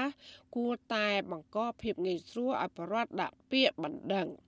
ការលើកឡើងនេះបន្ទាប់ពីអាជ្ញាធរជាតិដោះស្រាយវិវាទក្រៅប្រព័ន្ធតុលាការប្រកាសថានឹងបើកទទួលពាក្យបណ្ដឹងពីបរដ្ឋនៅរាជធានីភ្នំពេញនៅដើមខែមីនាខាងមុខចាសសូមស្ដាប់សេចក្តីរាយការណ៍របស់លោកសេកបណ្ឌិតជំវិញព័ត៌មាននេះពលរដ្ឋមានទំនាស់ដីធ្លីលើកឡើងថាពួកគាត់នឹងត្រូវចំណាយពេលវេលា និងថវិកាច្រើន ដើម្បីឡើងមកដាក់ពាក្យប្តឹង នៅអាជ្ញាធរជាតិដោះស្រាយវិវាទក្រៅប្រព័ន្ធតុលាការ សកម្មជនដីធ្លីខេត្តកោះកុងលោកស្រីផៅយើងប្រាប់ពទ្យុអសីសេរីនៅថ្ងៃទី9មករាថាលោកស្រីមិនសូវមានជំនឿលើអាជ្ញាធរជាតិដោះស្រាយវិវាទក្រៅប្រព័ន្ធតុលាការថានឹងអាចជួយស្វែងរកយុត្តិធម៌ដល់ពលរដ្ឋបាននោះទេព្រោះកន្លងទៅរដ្ឋាភិបាលក៏មានគណៈកម្មាធិការជាតិដោះស្រាយវិវាទផ្សេងផ្សេងដូចជាដីធ្លីផងដែរប៉ុន្តែនៅពេលពលរដ្ឋចំណាយពេលវេលានិងថវិកានាំគ្នាឡើងទៅស្នើសុំកិច្ចអន្តរាគមន៍ ដោះស្រាយវិវាទទាំងនោះបែរជាអាញាធរចាប់ខ្លួននិងចោទប្រកាន់ពីបទព្រហ្មទណ្ឌទៅវិញ។ យើងវាសោកស្ដាយថាអាការប្រកាសនឹងបានតែប្រកាសមិនធ្វើបើសិនតែប្រកាសឲ្យអនុវត្តទៅតាមគោលការណ៍ប្រកាសនឹងអនុម័តឲ្យឲ្យចំចំមកប្រជាពលរដ្ឋយើងអស់អីសង្ស័យហើយយើងសង្ឃឹមយើងជឿជាក់ឲ្យថានឹងមានការដោះស្រាយអីចឹងទៅប៉ុន្តែអាប្រកាសនឹងប្រកាសក្តែងក្តែងក្តែងក្តែងដល់ពួកខ្ញុំកាន់ឯកសារទៅដាក់ញត្តិចាប់ដាក់គុកសិនអានឹងបកកភាពវឹកវរណាអាកន្លែងនេះខ្ញុំអត់យល់ថាពួកគេកំពុងតែគិតអីខួរក្បាលគេកើតមកពីអីគេ ការលើកឡើងនេះបន្ទាប់ពីរដ្ឋមន្ត្រីក្រសួងយុទ្ធភ័ពនិងជាប្រធានអាជ្ញាធរជាតិដោះស្រាយវិវាទក្រៅប្រព័ន្ធតុលាការលោកកើតរិទ្ធបានថ្លែងនៅក្នុងសន្និសីទសារព័ត៌មាននៅថ្ងៃទី9មករាថាអាជ្ញាធរជាតិដោះស្រាយវិវាទក្រៅប្រព័ន្ធតុលាការនឹងបើកទទួលពាក្យបណ្ដឹងចាប់ពីថ្ងៃទី1មិនិនាខាងមុខនេះ។ លោកកើតរិទ្ធថ្លែងថាអាញាធរជាតិដោះស្រាយវិវាទក្រៅប្រព័ន្ធតុលាការនេះនឹងក្លាយជាសសរស្តម្ភមួយក្នុងការធ្វើកំណែតម្រង់ប្រព័ន្ធយុត្តិធម៌នៅកម្ពុជាឥឡូវយើងលើកកម្ពស់យន្តការនេះយើងគិតគូរអានេះជាក្របខ័ណ្ឌកំណែតម្រង់ដូចខ្ញុំបញ្ជាក់ជូននេះថាដៃមួយខាងយើងកែប្រព័ន្ធតុលាការណាតាមរយៈការលើកកម្ពស់សេវាយុត្តិធម៌នឹងឲ្យបានលឿន ការធ្វើឲ្យការផ្ដល់យុត្តិធម៌មានគុណភាពកាន់តែសុក្រិតនិងត្រឹមត្រូវប៉ុន្តែដៃម្ខាងទៀតយើងលើកកម្ពស់យន្តការដោះស្រាយវិវាទក្រៅប្រព័ន្ធតុលាការអញ្ចឹងវាជាសសរស្តម្ភពីរដែលឈរទន្ទឹមគ្នានៅក្នុងក្របខ័ណ្ឌនៃកំណែតម្រង់ប្រព័ន្ធយុត្តិធម៌នៅកម្ពុជាតែម្ដងជុំវិញរឿងនេះអ្នកសម្របសម្រួលគម្រោងធុរកិច្ចនិងសិទ្ធិមនុស្សនៃមជ្ឈមណ្ឌលសិទ្ធិមនុស្សកម្ពុជា លោកវ៉ាន់សុផាត មានប្រសាសន៍ថាការបើកទទួលពាក្យបណ្ដឹងក្រៅប្រព័ន្ធតុលាការជារឿងល្អប្រសើរមួយប៉ុន្តែលោកថា វាអាចបង្កការលំបាកដល់ពលរដ្ឋនៅតាមមូលដ្ឋានក្នុងខេត្តនានាត្រូវឡើងមកដាក់ពាក្យបណ្ដឹងនៅរាជធានីភ្នំពេញលោកសង្កេតឃើញថានៅពេលពលរដ្ឋឡើងមកដាក់ញត្តិស្នើសុំកិច្ចអន្តរាគមន៍នៅភ្នំពេញតែងតែត្រូវបានអាជ្ញាធររារាំងនិងចោទប្រកាន់ថាធ្វើឲ្យប៉ះពាល់ដល់សន្តិភាពសាធារណៈជាដើម។ចឹងយើងសង្ឃឹមថាអាជ្ញាធរជាតិ ដោះស្រាយដំណោះឬដោះស្រាយវិវាទក្រៅពន្ធតុលាការដែលរាជរដ្ឋាភិបាលថ្មីទៅបង្កើតនេះនឹងមិនអសកម្មដោយយន្តការមុនមុនទៀតទេបាទអាជ្ញាធរជាតិដោះស្រាយវិវាទក្រៅប្រព័ន្ធតុលាការបង្កើតឡើងដើម្បីដោះស្រាយវិវាទក្រៅប្រព័ន្ធតុលាការដូចជាបណ្ដឹងពាក់ព័ន្ធនឹងរដ្ឋប្រវេណីវិវាទពាណិជ្ជកម្មនិងវិវាទដទៃទៀតតាមរយៈការសម្រុះសម្រួលផ្សះផ្សាដោយផ្អែកតាមកិច្ចព្រមព្រៀងរបស់ភាគីវិវាទ លើកលែងតែវិវាទដែលមិនអាចជាកម្មវត្ថុនៃការសម្រុះសម្រួលផ្សះផ្សាតាមកំណត់របស់ច្បាប់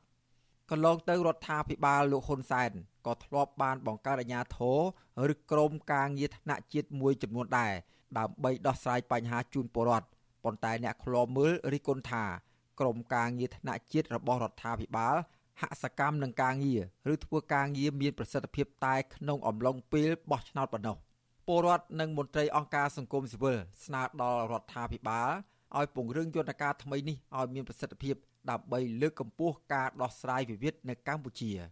ខ្ញុំបាទសេកបណ្ឌិតវិទ្យុអាស៊ីសេរីពីរដ្ឋធានីវ៉ាស៊ីនតោន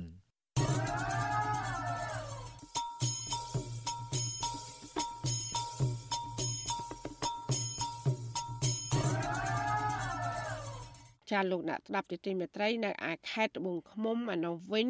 ប្រជាកសិករមួយចំនួននៅស្រុកដំបែត្អូញត្អែនិងកំពុងប្រឈមការបាត់បង់មុខរបរចិញ្ចឹមសត្វគោដោយសារតែការនាំចូលសាច់បង្កកកើនឡើង ធ្វើឲ្យតម្លៃសាច់គោនៅក្នុងស្រុកធ្លាក់ចុះចាអ្នកជំនាញទទូចអាជ្ញាធរពាក់ព័ន្ធគួរតែចាត់វិធានការច្បាប់លើការនាំចូលសាច់បង្កកខុសច្បាប់ដើម្បីឲ្យកសិករ មានលទ្ធភាពអាចរកប្រាក់ចំណូលចិញ្ចឹមជីវិត ចាកញ្ញាខណ្ឌលក្ខណាមានសេចក្តីរាយការណ៍ពុស្ដាជំវិញព័ត៌មាននេះដូចតទៅនៅចម្ងាយប្រមាណ740គីឡូពីទីរួមខេត្តត្បូងឃ្មុំតាមបណ្ដោយផ្លូវលេខ73ស្ថិតនៅស្រុកដំបែភូមិតារៀមឃុំចុងជាតិមានកសិករមួយចំនួននាំគ្នាចិញ្ចឹមសត្វគោដើម្បីរកប្រាក់កម្រៃដោះស្រាយជីវភាពប៉ុន្តែការចិញ្ចឹមគោលក់នេះ ធ្វើឲ្យកសិករមួយចំនួនជំពាក់លុយធនាគារគឺដោយសារតែតម្លៃធ្លាក់ចុះនិងការនាំចូលសាច់បង្កកពីប្រទេសជិតខាងមកលក់នៅលើទីផ្សារមានតម្លៃថោកម្ចាស់កសិដ្ឋានចិញ្ចឹមសត្វគោនៅស្រុកដំបែឃុំចុងជាតិលោកហ៊ូលៀងឲ្យវិសុអាស៊ីសេរីដឹងថា បច្ចុប្បន្នកសិដ្ឋានរបស់លោកប្រឈមនឹងការបិទទ្វារដោយសារតែតម្លៃសាច់សត្វគោធ្លាក់ចុះនិងគ្មានទីផ្សារលក់ចេញ លោកបន្តថាមូលហេតុដែលសាច់សត្វគោធ្លាក់ចុះគឺដោយសារតែការនាំចូលសាច់បង្កកដែលធ្វើឲ្យប៉ះពាល់ដល់តម្លៃសាច់គោនៅក្នុងស្រុកខ្ញុំវាមិនសូវដឹងទេប៉ុន្តែគិតថាខ្លាំងជាងគេមកវិសាច់បកកហ្នឹងហ្មងអញ្ចឹងចឹងសាច់បកកហ្នឹងគេប្រើដោយថាសាច់ទីថោកជាងយើងសាច់គេលក់16000អីហ្នឹង1គីឡូដល់អញ្ចឹងយើងអ្នកចិញ្ចឹមគោអត់មានណាហូបគេហូបតែកញ្ចប់ម្ចាស់កសិដ្ឋានរូបនេះបន្ថែមថា លោកមិនចង់បោះបង់មុខរបរចិញ្ចឹមគោចោលទេប៉ុន្តែដោយសារលោកខាតប្រាក់ក្នុងមួយថ្ងៃ300ដុល្លារនិងថ្លៃចំណាយទៅលើចំណីគោព្រមទាំងជួលកម្មករក្នុងមួយថ្ងៃ8លានរៀលផ្សេងទៀតបញ្ហានេះធ្វើឲ្យលោកនិងកសិករមួយចំនួនទៀតគ្មានប្រាក់សម្រាប់បង្វិលទិញគោលក់ ប៉ះពាល់ខ្លាំងវាយើងលក់អត់ដៃយើងមានលុយណាប្រវត្តិក៏គោបើយើងចាំគោសាច់វិញមួយថ្ងៃវាស៊ីមួយក្បាល12000រៀលឡើងទៅហើយចុះគោ800ក្បាលយើងគុណណា12000គុណនឹង800ក្បាលវាអស់ប្រហែលមួយថ្ងៃហើយដល់ពេលយើងវិលការលក់នឹងអត់តាន់គុំចំណីយើងពិបាកមែនតើរងថ្ងៃលោកហ៊ូតលៀងចាប់ផ្ដើមចាប់អាជីពចិញ្ចឹមគោតាំងពីឆ្នាំ2013រហូតមកទល់បច្ចុប្បន្នគឺមានរយៈពេល11ឆ្នាំ ហើយកត្តាដែលជំរុញឲ្យគាត់ចិញ្ចឹមសត្វគោដោយសារលោកមើលឃើញពីតម្រូវការសាច់គោក្នុងស្រុក និងមានបំណងចងក្រងជាសហគមន៍ដើម្បីប្រែក្លាយទៅជាស្រុកផ្គត់ផ្គង់សាច់គោនៅទូទាំងប្រទេសកសិកររូបនេះមានគោចំនួនជិត1000ក្បាលនៅក្នុងក្រោលហើយក្រៅពីចិញ្ចឹមសត្វគោហើយនោះលោកហូតលៀងក៏ទទួលទិញសត្វគោក្របីពីកសិករនៅគ្រប់ខេត្តក្រុង ហើយបង្រៀនពីការព្យាបាលជំងឺ ការថែទាំការជ្រើសរើសចំណីនិងការដាំស្មៅធ្វើជាចំណីគោជាដើមទោះបីជាតម្លៃសាច់សត្វគោរស់ចុះថោកដោយក្នុង1គីឡូ8000រៀលយ៉ាងណាក្តីក៏សាច់គោលក់នៅទីផ្សារនៅតែមានតម្លៃថ្លៃដដែលពលគឺមានតម្លៃចន្លោះពី32000រៀលដល់35000រៀលទៅតាមប្រភេទសាច់ អាជីវករលក់សាច់គោនៅស្រុកពញាក្រែងលោកស្រីតាម៉ារីយ៉ាដែលជាអតិថិជនរបស់លោកហ៊ុតលៀងថ្លែងថាលោកស្រីលក់សាច់គោមានតម្លៃចាប់ពី32000រៀលដល់35000រៀលលោកស្រីបន្តថាពីមុនធ្លាប់លក់អស់មួយតោនក្នុងមួយថ្ងៃប៉ុន្តែបច្ចុប្បន្ននៅសល់តែ700គីឡូប៉ុណ្ណោះលោកស្រីបន្ថែមថាដោយសារការនាំចូលសាច់ក្លាសេមានតម្លៃថោកទើបធ្វើឲ្យសាច់គោលក់លែងដាច់ ហើយអតិថិជនមួយចំនួនងាកទៅទិញសាច់បង្កកបរិភោគវិញបារម្ភមិនវិតថាមិនបារម្ភបារម្ភខ្លាំងណាស់បារម្ភតកោនាំចូលហ្នឹងគឺខ្ញុំធ្ងរហ្មងបើសិនជាអត់មានតកោនាំចូលទេខាងកសិដ្ឋានចិញ្ចឹមគោហ្នឹងក៏ដំណើរការល្អហាងឃើញក៏ល្អវានឹងដល់ពេលតកោនាំចូលមកច្រើនពេកបារម្ភទាំងយើងអស៊ីបារម្ភទាំងខាងកសិដ្ឋានទេបងដួលបារម្ភទាំងសុខភាពទៀតណា សត្វគោដែលកសិករចិញ្ចឹមយកសាច់លក់ភាគច្រើន គឺជាគោខ្មែរឬគោទន្លេ ហើយគោប្រភេទនេះចិញ្ចឹមចន្លោះពី2ខែដល់3ខែអាចលក់ចេញបានគោប្រភេទនេះស៊ីដំឡូងស្មៅនិងកាកស្រាបៀរជាអាហារដោយលាយជាមួយចំណីម៉ាក់ DK14 ដើម្បីធ្វើឲ្យគោធំធាត់សាច់ហាប់ណែនល្អក៏ប៉ុន្តែក្នុងការដាក់ចំណីបែងចែកជាពីរ ពលគឺគោញីស៊ីស្មៅឬដំឡូងមីលាយជាមួយចំណីពីព្រោះគោញីភាគច្រើនគឺចិញ្ចឹមយកកូនរីឯគោឈ្មោលស៊ីកាកស្រាបៀលាយជាមួយចំណីដើម្បីឲ្យឆាប់លូតលាស់និងឡើងសាច់វិទ្យុអស៊ីស្រីមិនអាចតាក់ទងប្រធានមន្ត្រីកសិកម្មរុក្ខាប្រមាញ់និងនេសាទខេត្តត្បូងឃ្មុំលោកហេងពិសិដ្ឋនិងអភិបាលខេត្តត្បូងឃ្មុំលោកជាបច័ន្ទសុភ័ណ្ឌដើម្បីសុំការបកស្រាយជុំវិញតម្លៃគោធ្លាក់ចុះបានទេនៅថ្ងៃទី6មករា ជុំវិញបញ្ហានេះអ្នកឯកទេសចិញ្ចឹមសត្វកម្ពុជាលោករស់ឆាំងគីមានប្រសាសន៍ថារដ្ឋាភិបាលគួរអនុវត្តច្បាប់ឲ្យបានម៉ឺងម៉ាត់លើការនាំចូលសាច់បង្កកដោយខុសច្បាប់លោកបន្តថាការនាំចូលសាច់បង្កកនេះធ្វើឲ្យប៉ះពាល់ដល់ទីផ្សារកសិករក្នុងស្រុក និងធ្វើឲ្យពួកគាត់បាក់ទឹកចិត្តឈប់ចិញ្ចឹម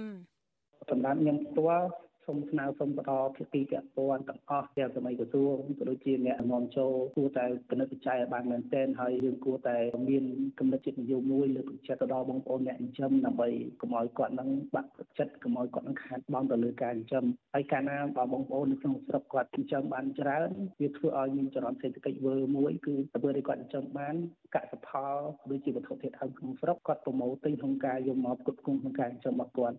កន្លងទៅទោះបីរដ្ឋាភិបាលក្រសួងកសិកម្មអះអាងថា បានទប់ស្កាត់ការនាំចូលសាច់គោបង្កកពីប្រទេសជិតខាង និងគ្មានការនាំចូលក៏ដោយប៉ុន្តែកំណើននៃការលួចនាំចូលសាច់គោខូចគុណភាពខុសច្បាប់ផ្សេងៗនៅតែកើតមាន និងកាន់តែច្រើនជាងមុនកាលពីពេលថ្មីថ្មីនេះអគ្គនាយកនៃអគ្គនាយកដ្ឋានកយនឹងរដ្ឋកោកម្ពុជាលោកគុណញឹមបានអនុញ្ញាតឲ្យមានការនាំចូលសាច់បង្កកឡើងវិញដែលសាច់បង្កកទាំងនោះ នាំចូលពីប្រទេសអូស្ត្រាលីអាមេរិករុស្ស៊ីប្រេស៊ីលជប៉ុននិងប្រទេសឥណ្ឌាលោកគុណញឹមបញ្ជាក់ថាការនាំចូលសាច់បង្កកទាំងនេះត្រូវមានលិខិតអនុញ្ញាតចេញដោយក្រសួងកសិកម្មនិងច្រកអន្តរជាតិទើបអាចនាំចូលសាច់បង្កកបានទោះជាយ៉ាងណាក្តីកាលពីថ្ងៃទី30តុលាឆ្នាំ2023អ្នកជំនាញអគ្គនាយកដ្ឋានការពារអ្នកប្រើប្រាស់កិច្ចការប្រកួតប្រជែងនិងការបង្ក្រាបការក្លែងបន្លំ ហៅកាត់ថាកបបបានចុះបង្ក្រាបការលួចនាំចូលនិងរក្សាទុកសាច់បង្កកចំនួន13តោននៅខេត្តត្បូងឃ្មុំនិងរាជធានីភ្នំពេញក្នុងនោះការិយាល័យស្រាវជ្រាវនិងបង្ក្រាបអំពើរត់ពន្ធខេត្តត្បូងឃ្មុំ បានរកឃើញសាច់បង្កក10តោនលួចនាំចូលពីប្រទេសវៀតណាមតាមរយៈរថយន្តបង្កកសាច់ជាងនេះទៅទៀតកាលពីថ្ងៃទី31តុលាឆ្នាំ2023 អ្នកជំនាញកបបបានរកឃើញសាច់បង្កក3500គីឡូក្រាមទៀតក្រោយពីឆែកឃ្លាំងស្តុកនិងចែកចាយសាច់បង្កកមួយកន្លែងនៅសង្កាត់ព្រៃសរខណ្ឌដង្កោរាជធានីភ្នំពេញកសិករចិញ្ចឹមគោនិងសង្គមស៊ីវិលជំរុញឲ្យរដ្ឋាភិបាលនិងស្ថាប័នពាក់ព័ន្ធពន្យាការដោះស្រាយបញ្ហាតម្លៃគោចុះថោកនិងទប់ស្កាត់ការលួចនាំចូលសាច់គោពីប្រទេសជិតខាងហើយងាកមកលើកកម្ពស់កសិករចិញ្ចឹមគោលក្ខណៈគ្រួសារនិងសហគមន៍វិញ ដើម្បីឲ្យពួកគាត់មានជីវភាពរស់នៅសមរម្យព្រមទាំងផ្ដល់ឱកាសឲ្យពលរដ្ឋក្នុងសហគមន៍មានការងារធ្វើផងដែរខ្ញុំខណ្ឌលក្ខណាវັດជុអសីសេរីលោកដានៀងជាទីមេត្រីយើងបានទទួលសំណូមពរពីអ្នកស្ដាប់និងអ្នកទស្សនារបស់យើងច្រើនណាស់ថាកុំឲ្យដាក់ចំណងជើងផ្ទុយពីខ្លឹមសារនៃព័ត៌មាន ឧទាហរណ៍ដូចជាដាក់ចំណងជើងថា Vivo ហើយលោកហ៊ុនសែនត្រូវតឡាការប្រំពន្ធអន្តរជាតិ ICC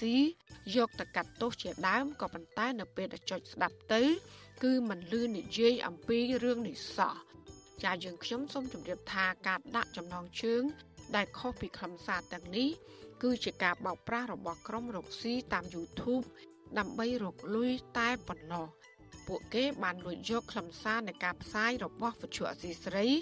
ទៅកាត់តរួចបដូរចំណងជើង តាមរបៀបប្លែកប្លែកហួហេតុដែលខុសពីការពិតក្នុងគោលបំណងតាក់ទាញចិត្តលោកនាងឲ្យចុចស្ដាប់ឬទស្សនាដើម្បីបាន view ឬក៏បានអ្នកចូលទស្សនាច្រើនមានអ្នកចុចស្ដាប់កាន់តែច្រើនពួកគេក៏កាន់តែរកប្រាក់បានច្រើននោះដែរចាទីស្រីមិនដែលដាក់ចំណងជើងខុសពីខ្លឹមសារនោះទេ លោកអ្នកនាងកញ្ញាអាចចូលរួមទប់ស្កាត់ការបោកប្រាស់ទាំងនេះបានដោយឈប់ចុចស្ដាប់ឬក៏ទស្សនាការចុះផ្សាយណាមួយ ដែលដាក់ចំណងជើងខុសប្លែកគួរសង្ស័យទាំងនេះការជាពិសេសទៅទៀតគឺដើម្បីស្ដាប់ឬក៏ទស្សនាការផ្សាយពិតរបស់អាស៊ីសេរីសូមលោកអ្នកនាងកញ្ញាចូលទៅក្នុង Channel របស់អាស៊ីសេរីតែម្ដង ដែលមានអាសយដ្ឋាន www www.youtube.com/rfa ខ្មែរចាសសូមអរគុណចាលោកដានៀងជាទីមេត្រីវងសัตว์ប្រជារាប់លានក្បាល តែងតែបង្ហាញខ្លួន ចេញពីលាអាងភ្នំសំពៅ គឺជាគោលដៅទេសចរយ៉ាងសំខាន់នៅក្នុងខេត្តបាត់ដំបងដែលភ្ញៀវទេសចរជាតិនិងអន្តរជាតិចាប់អារម្មណ៍ទៅទស្សនាកំសាន្តអាញាធរអះអាងថាមន្ត្រីជំនាញបន្តយកចិត្តទុកដាក់ កែច្នៃតំបន់ភ្នំសំពៅជាគោលដៅទេសចរដ៏សំខាន់មួយក្នុងខេត្តនេះដើម្បីរក្សាអត្តសញ្ញាណប្រវត្តិសាស្ត្រនិងបង្កើនប្រាក់ចំណូលដល់សហគមន៍ចាសសូមស្ដាប់សេចក្តីរាយការណ៍ពិស្ដាររបស់លោកលេងម៉ាលីជំវិញព័ត៌មាននេះដូចតទៅបើយើងធ្វើដំណើរតាមផ្លូវជាតិលេខ57ចេញពីទីរួមខេត្តបាត់ដំបង ទៅទិសខាងលិចឆ្ពោះទៅខេត្តបៃលិនបានចម្ងាយផ្លូវជាង12គីឡូម៉ែត្រ យើងនឹងឃើញភ្នំធំមួយនៅជាប់ផ្លូវខាងឆ្វេងដៃដែលមានជញ្ជាំងខ្ពស់ចោតពីធម្មជាតិសន្តានរាងដូចជាសំពៅភ្នំនោះមានឈ្មោះថាភ្នំសំពៅដែលស្ថិតនៅក្នុងតំបន់ប្រជុំភ្នំជាច្រើនទៀតដែលជារមណីយដ្ឋានទេសចរប្រវត្តិសាស្ត្រភ្នំសំពៅបច្ចុប្បន្នមានរូបចម្លាក់ព្រះពុទ្ធបដិមាយ៉ាងធំស្កឹមស្កៃគេឆ្លាក់ជាប់ជញ្ជាំងថ្មនៅនឹងជើងភ្នំដែលជាទីតាក់ទាញភ្ញៀវទេសចរឲ្យទៅទស្សនា ក្រៅពីព្រះពុទ្ធបដិមាអង្គធំ និងលអាងជាច្រើន វងសัตว์ប្រជាវជាច្រើនក្បាលក៏ជាកត្តាតាក់ទាញភ្ញៀវទេសចរដែរភ្ញៀវទេសចរជាតិនិងអន្តរជាតិរាប់រយនាក់តែងតែអង្គុយរងចាំងើយមើលសត្វប្រជាវចេញពីលអាងភ្នំ ជារៀងរាល់ពេលល្ងាចធ្វើឲ្យតំបន់នោះស្រូបទាញភ្ញៀវទេសចរដ៏ល្បីល្បាញអ្នកនាំភ្ញៀវទេសចរទស្សនាលអាងប្រជាវលោកក្រមរឿយប្រាប់ពធ្យុអស៊ីសេរីនៅថ្ងៃទី5មករាថា អញ្ញាធមមូលដ្ឋានកំពុងរឹតបន្តឹងអភិរក្សវងសត្វប្រជាវទាំងនេះដោយមិនអនុញ្ញាតឲ្យមានការបរបាញ់និងដាក់អន្ទាក់នោះឡើយក៏ប៉ុន្តែលោកបារម្ភថាអ្នកខាងក្រៅតែងតែលួចបរបាញ់និងដាក់អន្ទាក់ចាប់ប្រជាវធ្វើអាជីវកម្មជាទ្រង់ទ្រាយតូចតូចនៅពេលដែលពួកវាហើរចេញពីលាងភ្នំលោកថាវងសត្វប្រជាវទាំងនេះគឺជាប្រភពប្រាក់ចំណូលរបស់ប្រជាពលរដ្ឋដែលលោកចង់ឲ្យអាជ្ញាធរថែរក្សាឲ្យគង់វង្ស ជានេះវាហើយចេញពីអាងភ្នំកំពូលនេះទៅចម្ងាយប្រហែលជា1គីឡូដីឬក៏2គីឡូដីបានបែកបែកចេញជាក្រុមហើយបែកចេញជាក្រុមហ្នឹងគឺវាចេញទៅតាមសមុទ្រហើយនឹងទន្លេសាបភាសានៅទីនោះសម្បូរទៅដោយសត្វល្អិតហើយជាពិសេសបងប្អូនជាពលខ្មែរហើយនឹងជាបរទេសហ្នឹងគិតមកគឺគាត់ចង់ឃើញពីសត្វពជាវហើនៅតំបន់រមណីយដ្ឋាននេះឯងបានមានភៀវមួយច្រើនមកកកនឹង អ្នកខេត្តបាត់ដំបងបានហៅវងសត្វប្រជាវទាំងនោះថាជាកងទ័ពប្រជាវព្រោះគេសម្គាល់ថា ការហោះហើររបស់ពួកវាជាវងតម្រង់ជួរគ្នាដូចជាកងទ័ពចេញច្បាំងហើយលេចសម្រស់ដ៏ស្រស់ស្អាតភ្ញៀវទេសចរតែងតែងើយមើលលើមេឃមិនដាក់ភ្នែកនិងខ្លះទៀតថតរូបនិងវីដេអូបង្ហោះតាមបណ្ដាញសង្គមឬ Facebook បន្ថែមពីនេះវងសត្វប្រជាវមានអត្ថប្រយោជន៍ច្រើន គឺវាជួយស៊ីសត្វល្អិតចង្រៃដែលបំផ្លាញផលដំណាំរបស់កសិករហើយលាមករបស់វាគេយកធ្វើជាជីកសិកម្មធម្មជាតិដ៏មានតម្លៃអាជ្ញាធរខេត្តបាត់ដំបងអះអាងថាវងសត្វប្រជិវទាំងនេះបានក្លាយជាផលិតផលទេសចរដ៏សំខាន់ផ្ដល់ប្រយោជន៍សេដ្ឋកិច្ចសហគមន៍ក្នុងខេត្តបាត់ដំបង បច្ចុប្បន្នមានពលរដ្ឋជាច្រើនគ្រួសារលក់ដូរម្ហូបអាហារវត្ថុអនុស្សាវរីយ៍និងមានផ្ទះលំហែកម្សាន្តនៅតំបន់ភ្នំសំពៅ ហើយពលរដ្ឋខ្លះទៀតបានទិញរថយន្តនិងម៉ូតូសម្រាប់ដឹកភ្ញៀវទេសចរឡើងភ្នំយុវតីមួយរូបរស់នៅខេត្តបាត់ដំបងកញ្ញាលូតសៅដា សង្កេតឃើញថាវត្តមានសត្វប្រជៀវទាំងនេះមានសារៈសំខាន់ណាស់នៅពេលដែលមានមនុស្សជាច្រើនចាប់អារម្មណ៍ហើយវាអាចការពារភ្នំប្រវត្តិសាស្ត្រមួយនេះគេចចេញពីការបំផ្លាញដោយក្រុមហ៊ុនឯកជន ដើម្បីទាញយកថ្មនិងរ៉ែធ្វើអាជីវកម្មកញ្ញាសង្កេតឃើញថាភ្នំធម្មជាតិនៅខេត្តបាត់ដំបងជាច្រើន ទទួលរងការវាយកំទេចដើម្បីយកថ្មនិងរ៉ែធ្វើឲ្យប៉ះពាល់ដល់សម្រស់បរិស្ថាន នៅពេលដែលពុំសូវមានមនុស្សចាប់អារម្មណ៍ខ្ញុំក៏ថាអាញាធរនៅតំបន់ទីនោះគួរណាតែចាត់វិធានការអឺអាចដាក់ទោសជនដែលប្រព្រឹត្តបទល្មើសបំផ្លាញសត្វព្រៃឬក៏ព្រៃឈើនៅតំបន់អភិរក្សហ្នឹងពិន័យជាសាច់ប្រាក់ឬក៏ដាក់ពន្ធនាគារទៅតាមកម្រិតនៃទោសនៃពួកគាត់ហ្នឹងហើយមួយទៀត អឺអាញាធរគួរណាតែអាចចំណាយថវិកាមួយចំនួនទៅលើការដាក់កងការពារនៅទីនោះផងអតីតអ្នកយាមលអាងប្រជាវលោកក្រមរឿយបន្ថែមថាកន្លងទៅមានជនឆ្លៀតឱកាសតែងតែលួចបរបាញ់ដើម្បីយកសាច់ប្រជាវធ្វើអាជីវកម្មក៏ប៉ុន្តែមកទល់ពេលនេះអាជ្ញាធរបានពង្រឹងការអភិរក្សដោយមានឆ្មាំយាមល្បាតយ៉ាងប្រុងប្រយ័ត្នជារៀងរាល់ថ្ងៃលោកបន្ថែមថា ពលរដ្ឋខ្លះពុំសូវយល់ដឹងពីប្រយោជន៍សត្វប្រចៀវហើយពួកគាត់តែងតែលួចបរបាញ់ធ្វើជាអាហារនៅពេលវាហើរចេញពីលអាងភ្នំអត់មែនយកនៅក្នុងឡាននឹងទេអញ្ចឹងពីជាវនឹងវាហើយចាញ់ទៅក្រៅទៅវាមានអ្នកគប់ក្មេងក្មេងគប់ហូប2 3អញ្ចឹងទៅឬក៏អាចអាកាសទៅច្រើន4 10 20អញ្ចឹងទៅអញ្ចឹងណាវាអត់មានមកឡើងយកតង្ក្រងតង្ក្រងដូចនៅពីមុនពីមុនទេតកតទៅនឹងវិស័យទេសចរអនុប្រធានមន្ទីរទេសចរខេត្តបាត់ដំបង លោកហមអរុនប្រាប់វិទ្យុអស៊ីសេរីថាអាញាធរបន្តពង្រឹងសន្តិភាពសន្តិសុខនិងរក្សាតម្លៃម្ហូបអាហារឲ្យបានសមរម្យលោកចាត់ទុកភ្នំសំពៅជាគោលដៅទេសចរប្រណិតប្រចាំខេត្តបាត់ដំបងលោកបញ្ជាក់ថាមន្ត្រីជំនាញបានយកចិត្តទុកដាក់អភិរក្សសត្វប្រចៀវនិងសត្វព្រៃនៅតំបន់ភ្នំសំពៅឲ្យគង់វង្សដើម្បីបន្តទាក់ទាញភ្ញៀវទេសចរ យើងនៅតែអាចនិយាយបានថាភ្នំសពៅជាគោលដៅទេសចរមួយដ៏សំខាន់មន្ទីរទេសចរក៏ដូចជារដ្ឋបាលខេត្តយកចិត្តទុកដាក់នៅក្នុងការជំរុញអភិវឌ្ឍរៀបចំនៅទីនោះហើយគឺនឹងបង្កើននៅភ្ញៀវ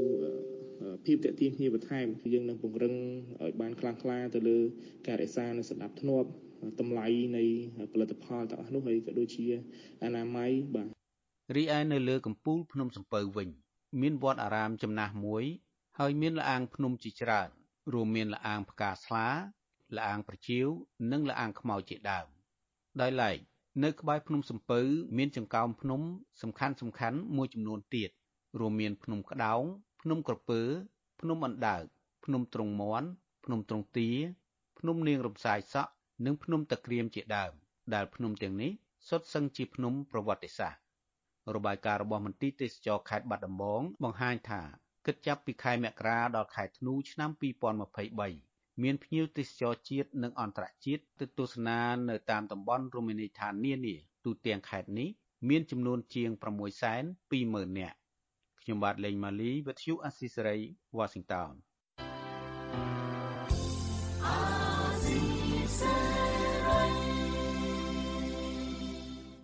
ចាលោកលានកញ្ញាអ្នកស្ដាប់ជាទីមេត្រីការផ្សាយរយៈពេល1ម៉ោងរបស់វិទ្យុអាស៊ីសេរីជាភាសាខ្មែរនៅពេលនេះចាប់តែប៉ុណ្ណេះចាយើងខ្ញុំទាំងអស់គ្នាសូមជូនពរលោកលាននិងក្រុមគ្រួសារទាំងអស់សូមជួបប្រកបតែនឹងសេចក្តីសុខសេចក្តីចម្រើន ជានិរន្តរ៍ចានាងខ្ញុំម៉ៃសុធានីព្រមទាំងក្រុមការងារទាំងអស់របស់អាស៊ីសេរីសូមអរគុណនិងសូមជម្រាបលា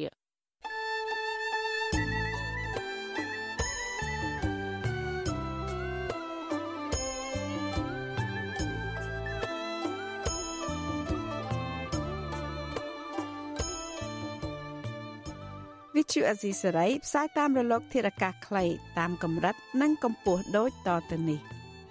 ពេលព្រឹកចាប់ពីម៉ោង5កន្លះដល់ម៉ោង6កន្លះតាមរយៈប៉ុស SW 93.90 MHz ស្មើនឹងកម្ពស់ 32m និងប៉ុស SW 11.85 MHz ស្មើនឹងកម្ពស់ 25m ពេលយប់ចាប់ពីម៉ោង7កន្លះដល់ម៉ោង8កន្លះតាមរយៈប៉ុស SW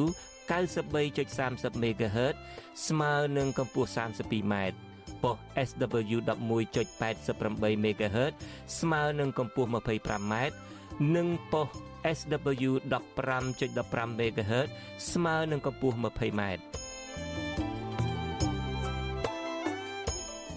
លោកអ្នកនាងក៏អាចស្ដាប់និងទស្សនាការផ្សាយផ្ទាល់នៅលើគេហទំព័រ Visual Asia សេរីតាមរយៈអាសយដ្ឋាន rfa.org/ ខ្មែរក្រៅពីនេះលោកអ្នកនាងក៏អាចអាននិងទស្សនាព័ត៌មានវិទ្យុអាស៊ីសេរីលើទូរស័ព្ទដៃរបស់លោកអ្នកនាងផ្ទាល់ សូមអញ្ជើញលោកអ្នកនាងដំឡើងកម្មវិធីវិទ្យុអាស៊ីសេរីនៅលើទូរស័ព្ទដៃរបស់លោកអ្នកនាងឬស្វែងរកវិទ្យុអាស៊ីសេរីនៅលើ YouTube ឬ Facebook ដោយស្វែងរកពាក្យថាវិទ្យុអាស៊ីសេរីឬ RFA ខ្មែរសូមលោកអ្នកនាងចុច like follow និងចុច subscribe ដើម្បីទទួលបានព័ត៌មានថ្មីៗតាមហេតុការណ៍និងទស្សនាវីដេអូផ្សេងៗទៀតបានគ្រប់ពេលវេលា យើងខ្ញុំសូមជូនពរដល់លោកអ្នកនាងព្រមទាំងក្រុមគ្រួសារទាំងអស់ឲ្យជួបប្រកបតែនឹងសេចក្តីសុខសេចក្តីចម្រើនរុងរឿងកុំបីឃ្លៀងឃ្លាតឡើយ។